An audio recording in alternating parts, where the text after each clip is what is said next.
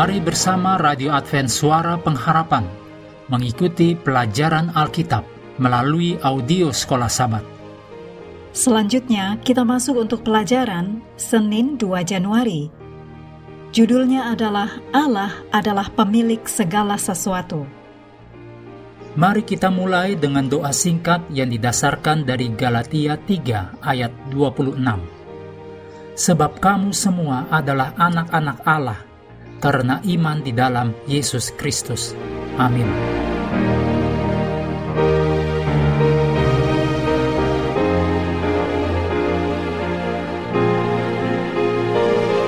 Dalam Mazmur 50 ayat 10 sampai 12, juga Mazmur 24 ayat 1, 1 Tawarikh 29 ayat 13 dan 14, juga Hagai 2 ayat 8 Ayat-ayat ini berisi pekabaran kebenaran bahwa Allah yang ampunya segala binatang hutan, beribu-ribu hewan di gunung, segala burung di udara.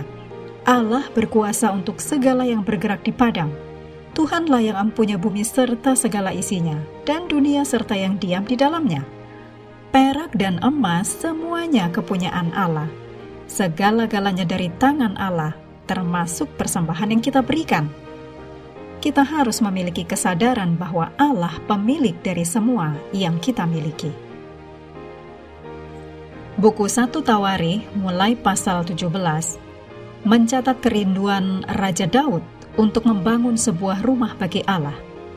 Daud menyampaikan kerinduan ini kepada Nabi Nathan yang menjawab, dicatat dalam 1 Tawari 17 ayat 2, Lakukanlah segala sesuatu yang dikandung hatimu, sebab Allah menyertai engkau.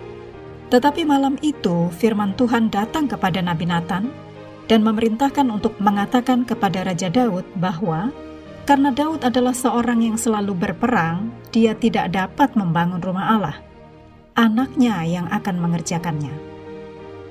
Daud bermohon jika boleh, paling sedikit ia dapat menggambar rencana dan menyediakan bahan-bahan bangunan itu. Ketika permohonan Daud diizinkan, dia menggunakan sisa kehidupannya mengumpulkan dalam jumlah besar batu yang dipahat, kayu aras, besi, emas, perak, dan kuningan. Saat semua bahan bangunan telah disediakan dan dikumpulkan di tempat pembangunan, Daud memanggil seluruh pemimpin Israel berkumpul untuk upacara pujian dan ucapan syukur. Dalam satu Tawarikh 29 ayat 13 dan 14, dalam doa Daud di hadapan umum, dia menyebutkan Allah adalah sumber yang sesungguhnya dari semua bahan bangunan yang Daud dan bangsa itu telah siapkan dengan menggunakan waktu dan uang. Tentu saja, intinya Daud berkata, "Kami benar-benar tidak dapat membuat penghargaan atas diri kami untuk semua bahan-bahan khusus ini." Oleh karena kami hanya mengembalikan barang kepunyaanmu.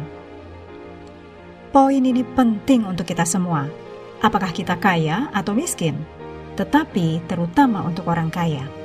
Karena Allah pada mulanya menjadikan segala sesuatu, itu dicatat dalam kejadian 1 ayat 1, Yohanes 1 ayat 3, Mazmur 33 ayat 6 dan 9, maka Allah adalah pemilik yang sesungguhnya untuk segala hal yang ada, termasuk apa saja yang kita miliki. Betapa keras pun dan rajin dan jujur kita telah bekerja untuk mendapatkannya. Jika bukan karena Allah dan kasih karunia-Nya, kita tidak akan memiliki apa-apa. Kita tidak akan menjadi siapa-siapa. Bahkan kita tidak akan ada. Jadi, kita harus terutama selalu hidup dengan kesadaran bahwa Allah pemilik semua yang ada. Dan dengan memuji dan berterima kasih kepada Allah atas semua kebaikannya bagi kita, kita dapat tetap mempertahankan kebenaran penting ini.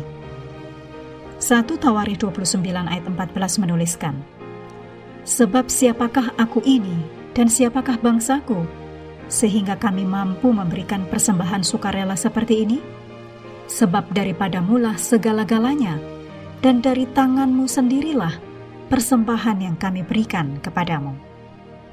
Betapa indahnya prinsip-prinsip yang digambarkan dalam ayat ini, dan seharusnya ayat ini memantulkan tabiat kita terhadap Allah dan sikap kita terhadap apa yang kita miliki.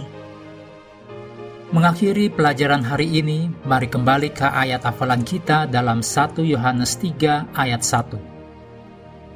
Lihatlah betapa besarnya kasih yang dikaruniakan Bapa kepada kita, sehingga kita disebut anak-anak Allah.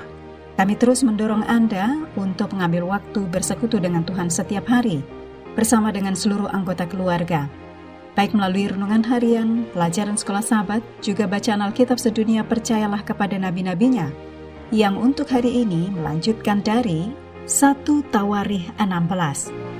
Tuhan memberkati kita semua.